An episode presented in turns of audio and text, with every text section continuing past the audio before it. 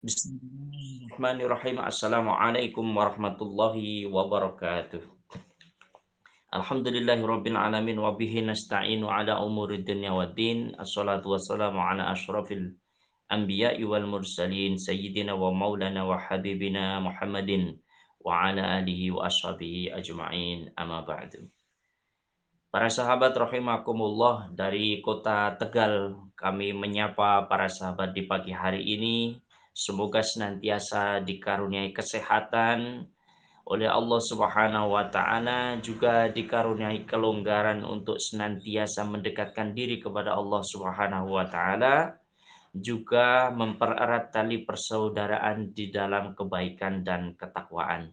Salawat dan salam semoga tersanjung kepada baginda Nabi Muhammad Sallallahu Alaihi Wasallam beserta keluarga Rasulullah dan para sahabat yang sunnah-sunnahnya kita ikuti dan syafaatnya kita nantikan di yaumul akhir kelak.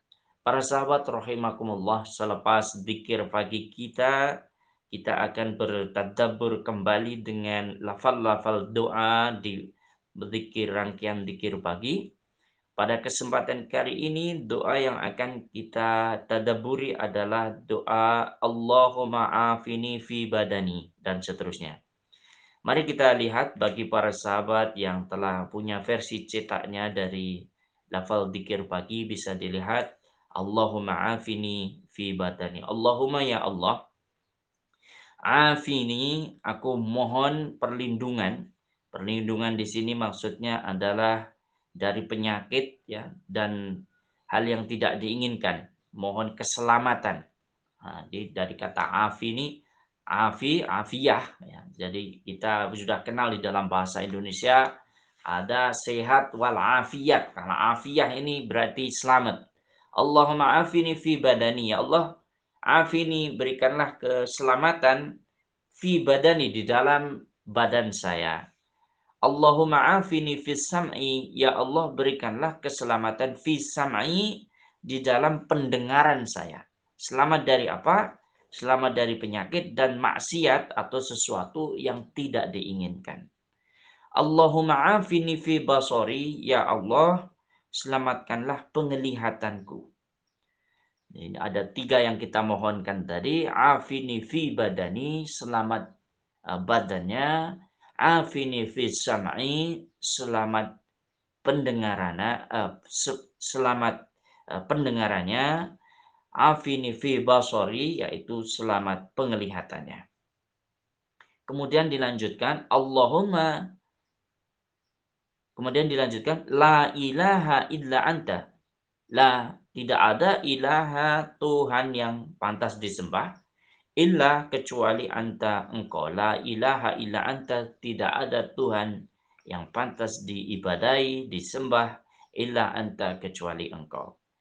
Allahumma inni a'udhu bika minal kufri. Allahumma ya Allah, inni sesungguhnya aku a'udhu bika berlindung kepadamu minal kufri dari kekufuran wal faqri dan kefakiran. Insya Allah yang tentang kefakiran ini nanti kita tadaburi juga di seri yang selanjutnya. Insya Allah untuk hari ini kita berdalam sedikit tentang kesehatannya afini fi badani. Kemudian dilanjut wa a'udzu bika dan aku berlindung kepadamu min adabil qabri dari adabil qabri. Ini siksa neraka. La ilaha illa anta. Tidak ada Tuhan yang pantas disembah kecuali engkau. Para sahabat rahimakumullah kebetulan ini kami berada di luar studio, jadi siaran ini hanya direkam audionya saja untuk nanti kita share di Telegram grup Yakwa, tidak kita siarkan secara live di YouTube karena kami kebetulan sedang berkunjung ke orang tua kami di Tegal. Beliau berdua dalam masa pemulihan dari uh, sakitnya beberapa hari belakangan ini. Mohon doanya dan tadi kita sudah doakan bersama-sama. Semoga segera diberikan kesembuhan dan bisa beraktivitas lagi seperti biasa. Amin ya robbal alamin. Para sahabat rahimakumullah, di awal doa tadi Allahumma afini fi badani. Ya Allah, berikanlah keselamatan kepadaku fi badani di dalam tubuhku. Ya, ternyata ini kata badan itu juga dipinjam di dalam bahasa Indonesia sehingga kita sudah akrab dengan istilah badan ya. Badani itu berarti badanku, jasadku, eh, jasmaniku. Terkait dengan hal itu, kita tengok hadis Rasulullah Shallallahu Alaihi Wasallam. ada banyak hadis yang meriwayatkan perihal kesehatan. Eh, hingga kita sekarang sudah kenal ya dengan istilah tibbun nabawi atau pengobatan ala nabi. Nah, pengobatan ala nabi itu kalau kita cermati itu tidak semata-mata mengonsumsi apa, melakukan apa. Tetapi yang lebih harus kita perhatikan itu adalah pola hidup yang bisa menyehatkan sesuai dengan tuntunan Rasulullah Shallallahu Alaihi Wasallam dan para sahabat.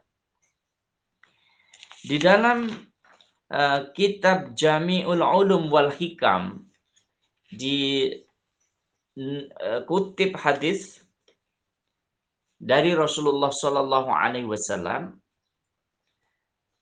yang memberikan kita informasi perihal perilaku hidup sehat. Ini akan kita bacakan ya. Ini adalah hadis nomor 47 eh, yang termaktub di kitab Jami'ul Ulum wal Hikam. Anil Miqdam ibni Ma'di Kariba Qala sami'tu Rasulullah sallallahu alaihi wasallam yaqul ma mala'a adamiyun wi'an syarran min badani bihasbi ibni adama ukulatu yuqimna sulbahu fa in kana la mahalata fa thuluthu li ta'amihi wa thuluthu li syarabihi wa thuluthu li nafsihi Dari Al-Mikdam bin Ma'di Karib radhiyallahu anhu ia berkata bahwa ia mendengar Rasulullah sallallahu alaihi wasallam bersabda. Ini sabda Rasulullah sallallahu alaihi wasallam. Kita lihat kata per kata dulu. Ma mala'a adamiyun mi'an syarran min batni bihasbi. Ma mala'a tidak ada kejelekan adamiyun Adam bani Adam wi'an ini adalah mengisi mengisi ya syaran yang lebih jelek min batni dibandingkan dengan min batni, batni dengan perutnya. Diterjemahkan tidak ada tempat yang lebih jelek daripada memenuhi perut keturunan Adam. Ya, dengan kata lain bahwa memenuhi perut manusia itu ternyata hal yang tidak bagus. Lalu bagaimana? Ya, di dalam uh, kalimat selanjutnya bihasbibni adama ukulatu yuqimnu yuqimna sulbahu. Nah ini. Bihasbi dengan kecukupan ibnu adama anak Adam. Ukulatu makan. Yuqimna menegakkan sulbahu tulangnya. Nah ini diterjemahkan cukup keturunan Adam ini berarti manusia mengonsumsi yang dapat menegakkan tulangnya. Di dalam bahasa yang lebih mudah dimengerti bahwa memenuhi perut, ya, perut dipenuhi itu hal yang jelek. Jika harus mengisi perut, maka cukuplah perut itu diisi agar tegak saja tulangnya Artinya agar orang tidak lunglai kemudian roboh. Tetapi perut itu tidak diisi penuh. Kemudian dijelaskan selanjutnya. Fa'inka la mahalata. Jika harus diisi.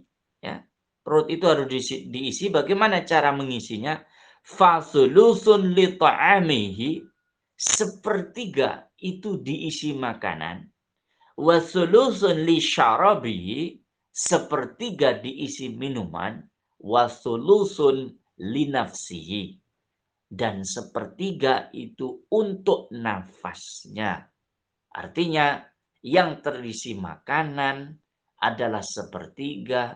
Yang terisi minuman adalah sepertiga, sementara yang sepertiga yang lainnya dibiarkan sebagai rongga kosong yang merupakan pengertian bahwa perut itu tidak diisi penuh dengan makanan dan minuman. Penulis makalah ini kemudian memberikan keterangan lebih lanjut bahwa hadis tadi dijadikan landasan untuk memahami kiat hidup sehat dari Nabi Shallallahu Alaihi Wasallam. Salah satunya ya, karena masih banyak lagi hadis-hadis lain yang membicarakan tentang bagaimana berperilaku yang sehat menurut tuntunan Rasulullah Shallallahu Alaihi Wasallam. Ada seorang dokter di masa silam bernama Ibnu Masawaih ketika ia membaca hadis tadi di dalam kitab Abu Haythamah ia berkata, Andai kaum muslimin itu mengamalkan isi hadis tadi, niscaya mereka akan selamat dari berbagai penyakit.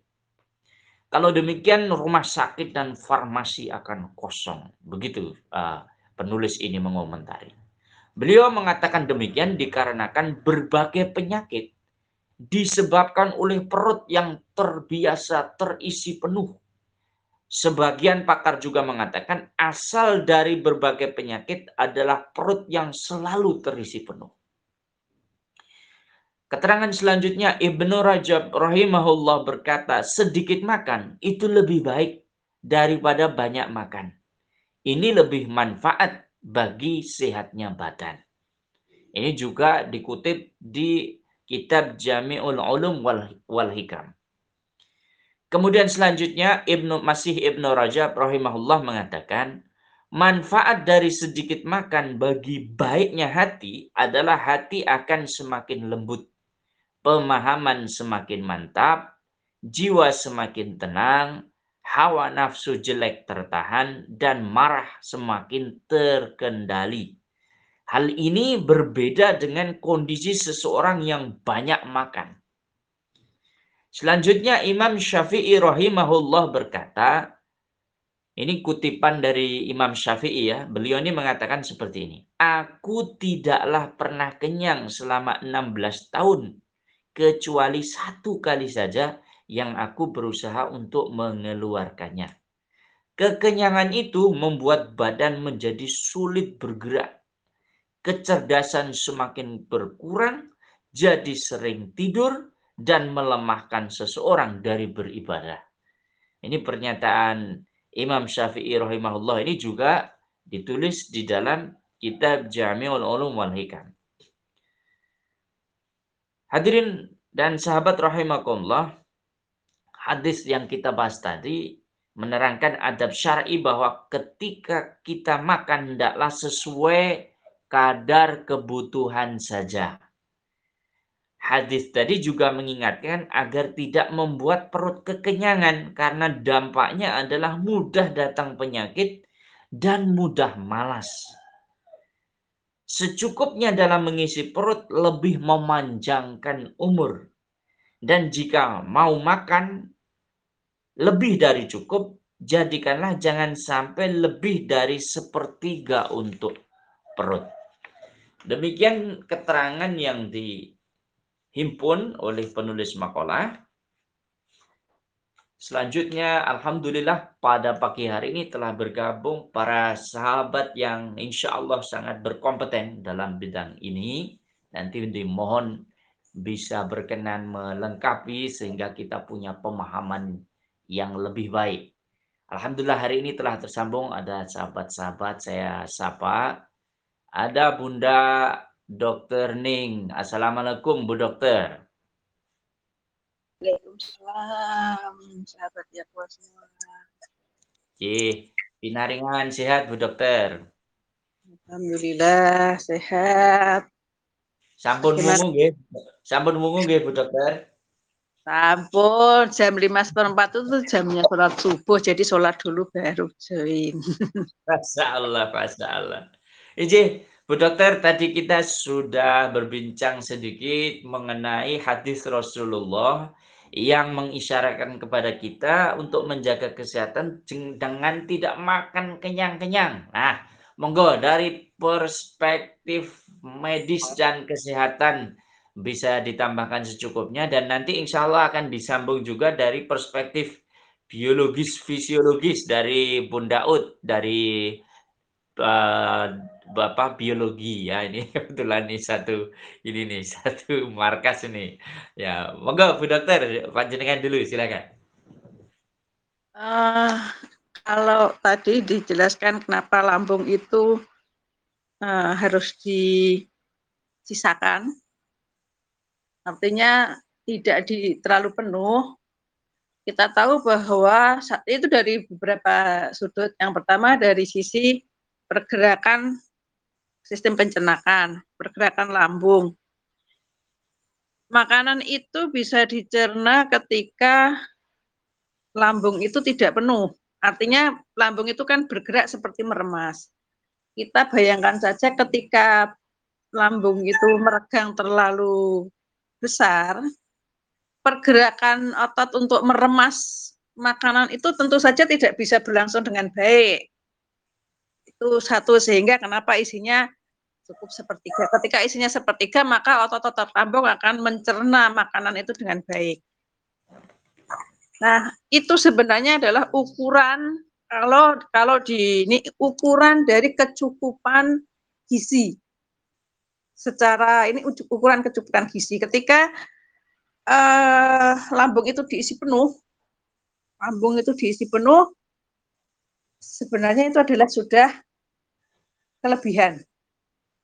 Sudah kelebihan dari kalau kalau di ilmu gizi ada angka kecukupan gizi untuk ini sekian sekian sekian. Sebenarnya kalau kalau kita tidak harus melihat angka, cukup dengan uh, melihat isi lambung, maka sepertiga itu sebenarnya adalah angka kecukupan gizi untuk uh, ya, uh, untuk bertahan dalam kondisi sehat. Dalam kondisi sehat itu uh, dari segi jumlahnya. Kalau nanti diisi terlalu penuh, hasilnya adalah dia ke gizinya pasti akan berlebih. Gizi berlebih itu kalau karbohidrat yang masuk nanti jadinya obesitas. Kalau mungkin terlalu banyak lemak yang masuk, ada hiperkolesterolemi, ada asam urat, ada macam itu jenisnya. Tapi kalau jumlahnya, saya rasa dengan jumlah sepertiga itu uh, ukurannya akan pas. Sebenarnya kalau orang mau mengikuti yang seperti itu tidak ada obesitas, hanya ya kadang-kadang itu kok susah berhenti kalau makan itu. Nah ini susah berhenti itu sebenarnya berkaitan dengan uh, alarm rasa kenyang alarm ya. Pemberitahuan rasa kenyang kepada otak itu agak lambat. Agak lambat itu betul butuh waktu beberapa menit impuls bahwa lambung sudah teregang. Baik itu uh, butuh waktu beberapa menit. Sehingga kadang-kadang makan kalau makan cepat-cepat-cepat itu pasti tidak kenyang. Begitu berhenti begitu kenyang berhenti 5-10 menit pasti rasanya kekenyangan. Tapi ketika beri sepertiga berhenti belum belum kenyang itu berhenti tunggu 5-10 menit pasti sudah merasa kenyang jadi itu kenapa sepertiga lambung dari segi fisiologisnya ya dia memang uh, berkontraksi dengan baik, berfungsi dengan baik ketika isinya segitu. Dan itulah sebenarnya ukuran kecukupan gizi untuk tanpa perlu dihitung jumlahnya. Karena tiap orang nanti tidak akan sama. Mungkin begitu Pak Rohani. Matur Bu Dokter, disambung oleh Bunda Ud dulu, monggo Bunda Ud dipersilakan. Sebelum nanti kita beri kesempatan kepada para sahabat untuk tanya jawab ya mumpung ada pakar-pakar kita ini. Jadi secara online nih kalau mau konsultasi di klinik harus pakai nomor antrian ya loh. kalau ini bisa langsung ini. Monggo Bunda Ud dipersilakan. Oke, Assalamualaikum warahmatullahi wabarakatuh. Assalamualaikum. Iya, Sarah. ya Bu Nugrandeng ini baru ketemu. Uh, seperti yang Bu Dokter jelaskan tadi bahwa memang kita itu makan harus uh, sesuai kebutuhan. Kalau tadi sudah dijelaskan Bu Haning secara fisiologis, ini ada penelitian ya. Kalau manusia itu biasanya itu uh, karena mikir ya, berpikir kita makan itu bukan sesuai kebutuhan, tapi sesuai keinginan gitu ya. Jadi kebutuhan itu sebetulnya sudah cukup, tapi karena wah mungkin ini enak atau mungkin uh, baru ditraktir gitu ya, wah mumpung ditraktir ini Emangnya mana ini makanya banyak-banyak gitu ya. Uh, sebetulnya kalau makhluk yang lain ini kebetulan saya bidang peternakan ya. Itu ada penelitian ayam ya, kemudian ada kambing juga diberi makan berlebih gitu ya, diberi makan berlebih. Ternyata ayam itu tidak menghabiskan makanannya. Ya, kambing juga tidak menghabiskan makanannya. Dia akan makan uh, sesuai kebutuhan dan akan berhenti ketika dia merasa kebutuhan itu sudah cukup. Nah ini kadang yang manusia itu yang yang susah ini uh, sudah kebutuhannya cukup tercukupi, tapi uh, ada pemikiran ya ini masih enak terus bablas gitu. Nah sebetulnya eh, apa namanya kita harus menyesuaikan kebutuhan kita. Tadi ada hitung-hitungannya, tapi kan kita jarang ya makan dengan menghitung kebutuhan oh kalori saya berapa begitu ya. Tapi dengan mengukur uh, isi lambung kita. Jadi uh, karena memang ya kita sendiri merasakan kalau kita kenyangan itu jadi mager gitu ya, malas gerak, kemudian juga uh, ngantukan seperti itu. Itu saya kira semua mengalami ya seperti itu ya. Jarang kita uh, kekenyangan terus tambah bergas gitu. Saya kira itu uh, jadi malas gerak, malas mikir dan sebagainya. Mungkin juga yang uh, payah jadi malas beribadah seperti itu. Masya Ya. Ya, mungkin uh, itu ya dari saya karena apa namanya uh, sebetulnya lambung itu juga sudah ada sinyal-sinyal tadi ya. Kita akan uh, kalau energi kita sudah terpenuhi itu kita akan merasa kenyang. Atau lambung sudah uh, terisi agak banyak itu sebetulnya kita akan uh, merasa kenyang kalau kita menyadari. Tadi uh, Bu Dokter sudah menerangkan mungkin kalau uh, karena itu perlu perlu proses juga ya. Jadi kita sebelum kenyang itu berhenti, nanti kita tunggu beberapa saat itu kita akan merasa kenyang gitu. Hmm. Jadi sebelum uh, kita merasa kenyang memang berhenti dulu gitu ya. Ya mungkin hmm. kalau memang masih uh, lapar bisa dilanjut kalau masih ada makanannya. Ya, sementara itu saya dari Matenun di beri kesempatan jika berkenan berinteraksi baik menambahkan maupun menanyakan ya kepada Bu Dr. Ning juga Bunda Ut. Monggo Bunda Yusnita, Assalamualaikum. Menyapa saya dari Tegal, menyapa Ibu di Kudus. Assalamualaikum. Waalaikumsalam warahmatullahi wabarakatuh, Ustadz Rohani dan ibu-ibu semuanya. Kebetulan ibu-ibu semua nih kalau saya lihat tidak ada bapaknya selain Pak Rohani. Ini saya bersama keluarga juga duduk bareng-bareng nih di Tegal nih. Oh, Monggo, persilakan. Uh, aduh, kalau membahas masalah konsumsi atau dietary begini tuh saya merasa malu sebenarnya. Tapi itu ya luar biasa ya, Masya Allah.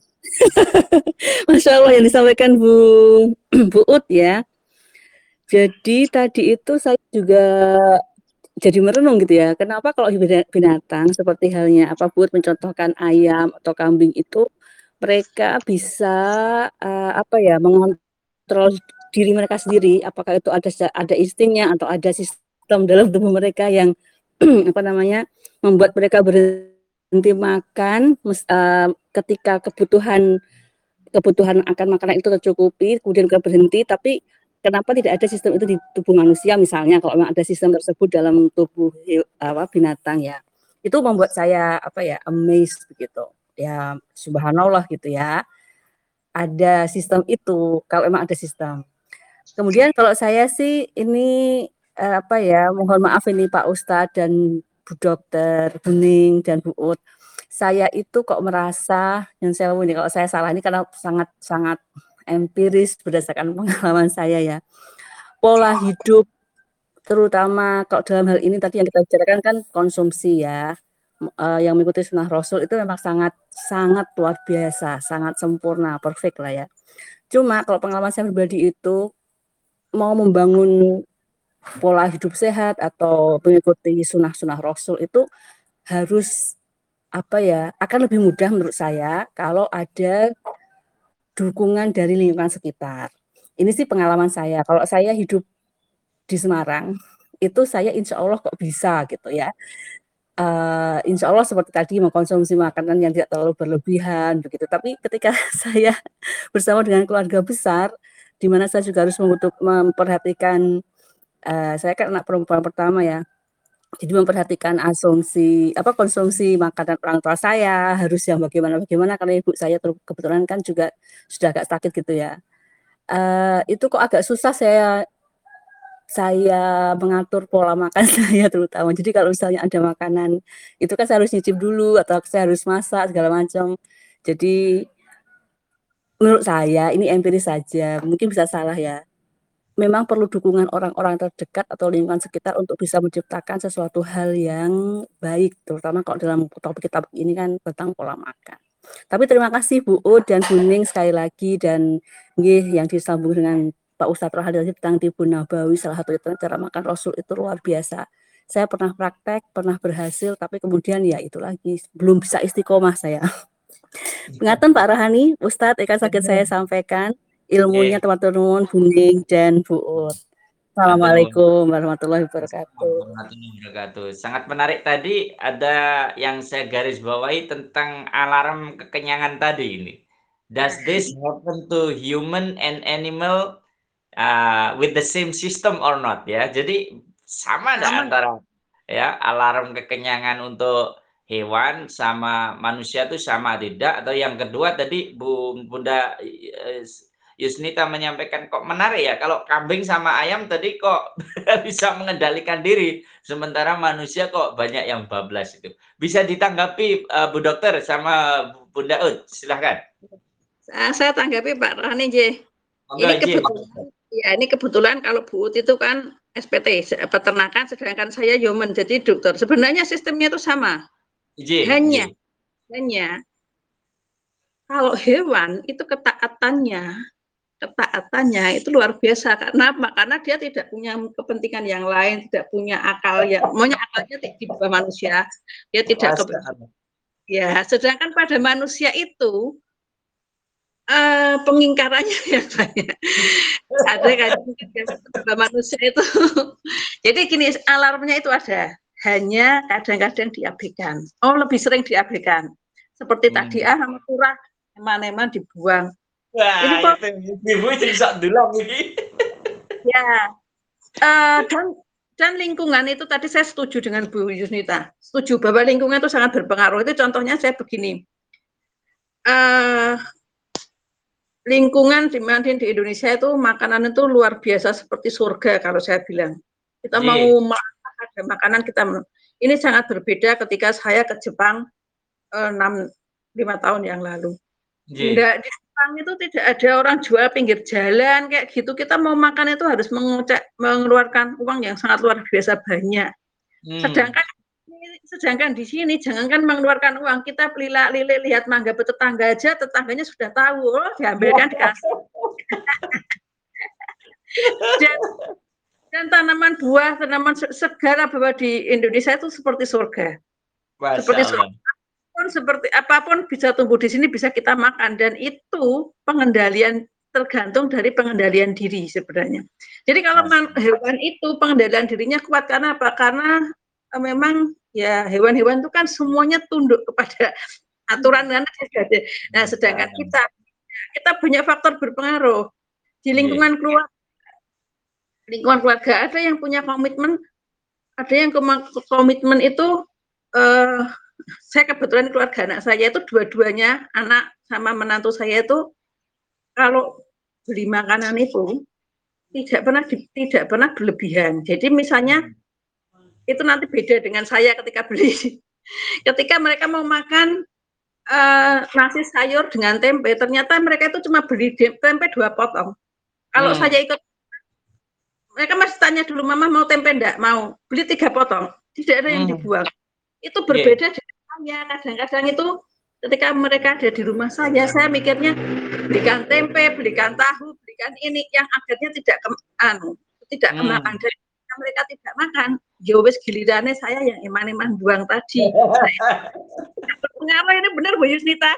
Kalau seperti itu. Tapi saya eh, kemudian Iya, Bu. ini Ini. Iya. Nah, saya itu ininya gini, oh iya. Ah, kalau anak saya itu kalau mereka merasa makan sudah berlebihan mungkin karena faktor mungkin pas ketemuan dengan teman-teman macam-macam sudah berlebihan yang mereka lakukan itu lari Hmm. lari supaya mereka eh, ininya energinya di di ini. Nah itulah itu yang mungkin agak susah juga memang harus perlu dukungan Bu. Karena kalau kalau saya eh, ini seperti itu. Kalau kemudian kalau saya nyiapkan makan untuk suami itu dia cenderung berlebihan. Jadi lucunya itu kalau saya nyiapkan untuk suami itu kan ini ini ini yang akhirnya nggak selalu semuanya dimakan. Sedangkan kalau eh, mestinya kalau saya nyiapkan tempe satu, tahu satu itu kadang-kadang dikiranya kok pelit gitu.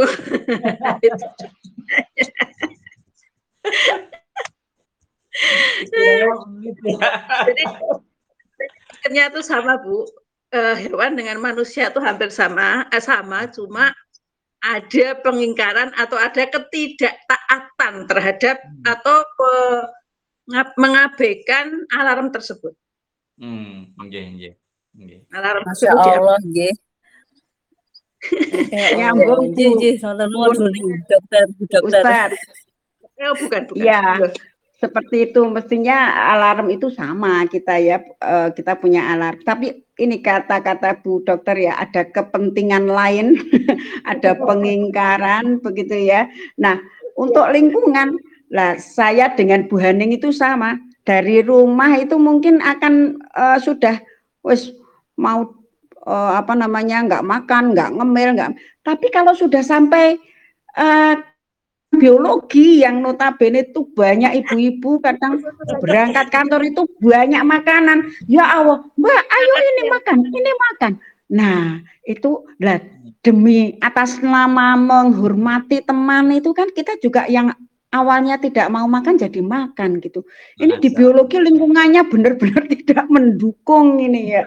Jadi dipaksa itu. Itu lingkungan buyus, tidak hanya di keluarga tapi di benar-benar kalau di biologi itu disediakan makanan macam-macam. Ini yang akan mengingkari itu bukan kebutuhan tapi keinginan gitu.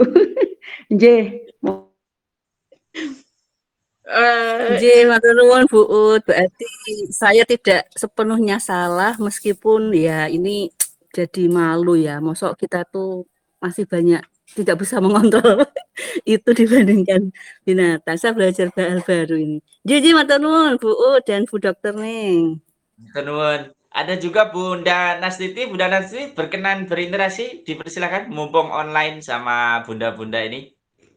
Ya, assalamualaikum semuanya. Ini Bu. Dokter. Bunda Siti.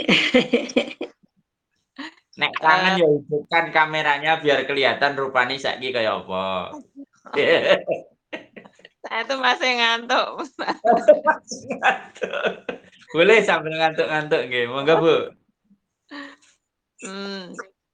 Nah ini kalau saya itu terus terang ya kalau pas puasa itu saya itu pingin apa ya hanya istilahnya makan tiga kurma sama apa air putih satu gelas itu seringnya ini apa sulit gitu loh mesti masih ngelirik yang lain nah itu tuh untuk saya pribadi itu seperti itu nah nah itu mesti jadi saya kalau pas puasa itu ya mesti harus menyediakan snack yang lain seperti itu. Tapi kalau misalnya kita bukber di masjid itu bisa saya cuma hanya minum ini apa minum air putih aja dah.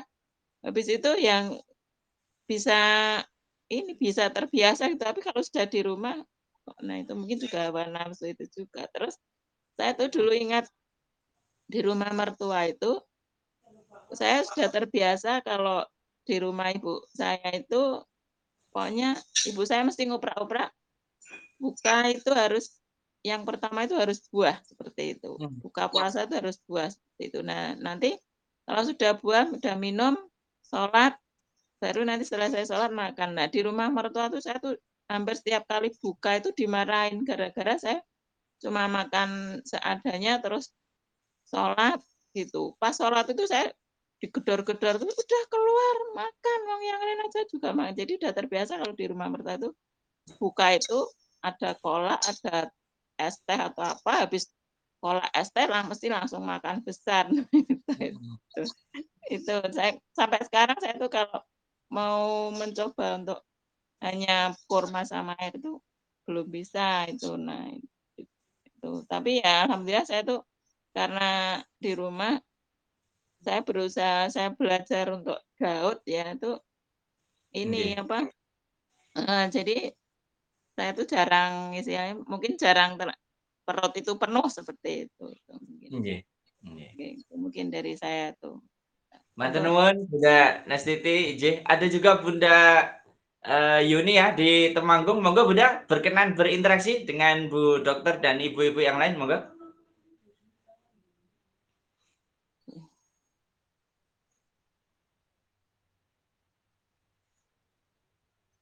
Baik, Bapak Ibu, nampaknya Bunda Yuni belum tersambung. Sebagai penutup, Bu Dokter dan Bunda Ut bisa disampaikan pesan penguat ya, agar kita bisa menjalankan apa yang kita eh, sedikit pelajari untuk pagi ini. Bunda, Bu Dokter dulu, monggo dipersilakan.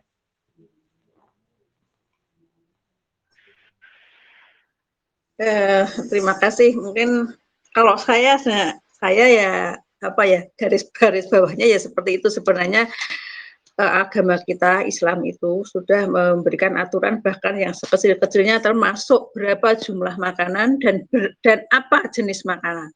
Hmm. apa jenis makanan?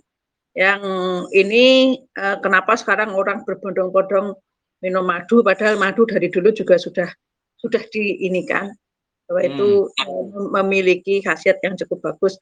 Jadi ya, baik dari segi jumlah maupun dari segi jenis itu kita sudah eh, agama Islam itu sudah mengatur sedemikian detail termasuk dari mana dia didapatkan. Hmm. Nah, mu- hanya manusia itu memang apa ya takdir kok takdirnya apa namanya inanya itu kadang-kadang ya suka apa namanya eh, mengabaikan me- ini membantah seperti itu nah mungkin kita harus sering-sering kembali lagi melihat kepada Al-Quran dan hadis untuk supaya kita tetap sehat termasuk mungkin satu hal yang saya saya garis bawahi ketika saya kena COVID itu satu hal yang sangat kalau menurut saya itu sangat membuat bisa bertahan dengan baik. Meskipun saya kena cukup parah tapi saya di rumah adalah positif berpikiran positif Hmm. Nah, iya, itu sangat luar biasa saya merasakan karena ketika saya melihat teman-teman, mungkin orang-orang yang banyak konsultasi ke saya ketika dia dalam posisi eh, cemas, dalam posisi ini itu menjadi parah, Hmm. Nggih, Nah. nggih, nggih. menjadi sangat parah. Nah, saya meskipun parah tapi eh, saya seperti ya anggap saja menikmati bahwa itu memang nasnya manusia itu punya diberi sakit dan itu disyukuri ternyata meskipun eh, city value-nya rendah Nggih. karena gejalanya cukup banyak tetapi saya bisa melewati dengan baik dan alhamdulillah ini sudah normal dan mungkin kalau eh, saudara eh, mungkin keluarga dari Bapak Ibu semua ada yang kena satu yang pertama adalah jaga pikiran yang kedua mungkin tadi makanan-makanan itu juga perlu dijaga itu saja mungkin Pak Rohani Matur nuwun sangat Bunda Ut, dipersilakan Bunda Ut. Iya, sedikit saja dari saya terkait makan memakan ini. Jadi janganlah uh, hidup itu hanya untuk makan, tapi makanlah itu untuk hidup. Jadi kalau hidup itu diisi dengan berbagai macam kegiatan, tidak hanya untuk makan, tapi makan untuk hidup. Mengkatan. Wah, super sekali ini. Terasa seperti Mario Teguh ini. Nggih, Bunda dengan Bu Dokter serta ibu-ibu semuanya, sahabat yang berkenan live pada pagi hari ini, moga-moga ya, apa yang kita lakukan yang bermanfaat juga dinilai sebagai amal soleh. Matur sekali atas waktu dan juga saran-sarannya tadi Bu Dokter dan Bu Daud dan juga dari semua para sahabat. Insya Allah kita jumpa lagi nanti malam ya di zikir petang dan tadarus. Tadarusnya sudah masuk ke juz 22. Sekali lagi juz 22. Ya, ternyata setelah sekian minggu kita lalui eh, tadarus habis maghrib itu targetnya bisa sampai setengah juz. Artinya kita bisa cover eh, satu juz itu dalam dua hari tadarus bersama. Demikian para sahabat, saya Rohani dari kota Tegal menyampaikan terima kasih. Wassalamualaikum warahmatullahi wabarakatuh. Waalaikumsalam. Waalaikumsalam warahmatullahi wabarakatuh.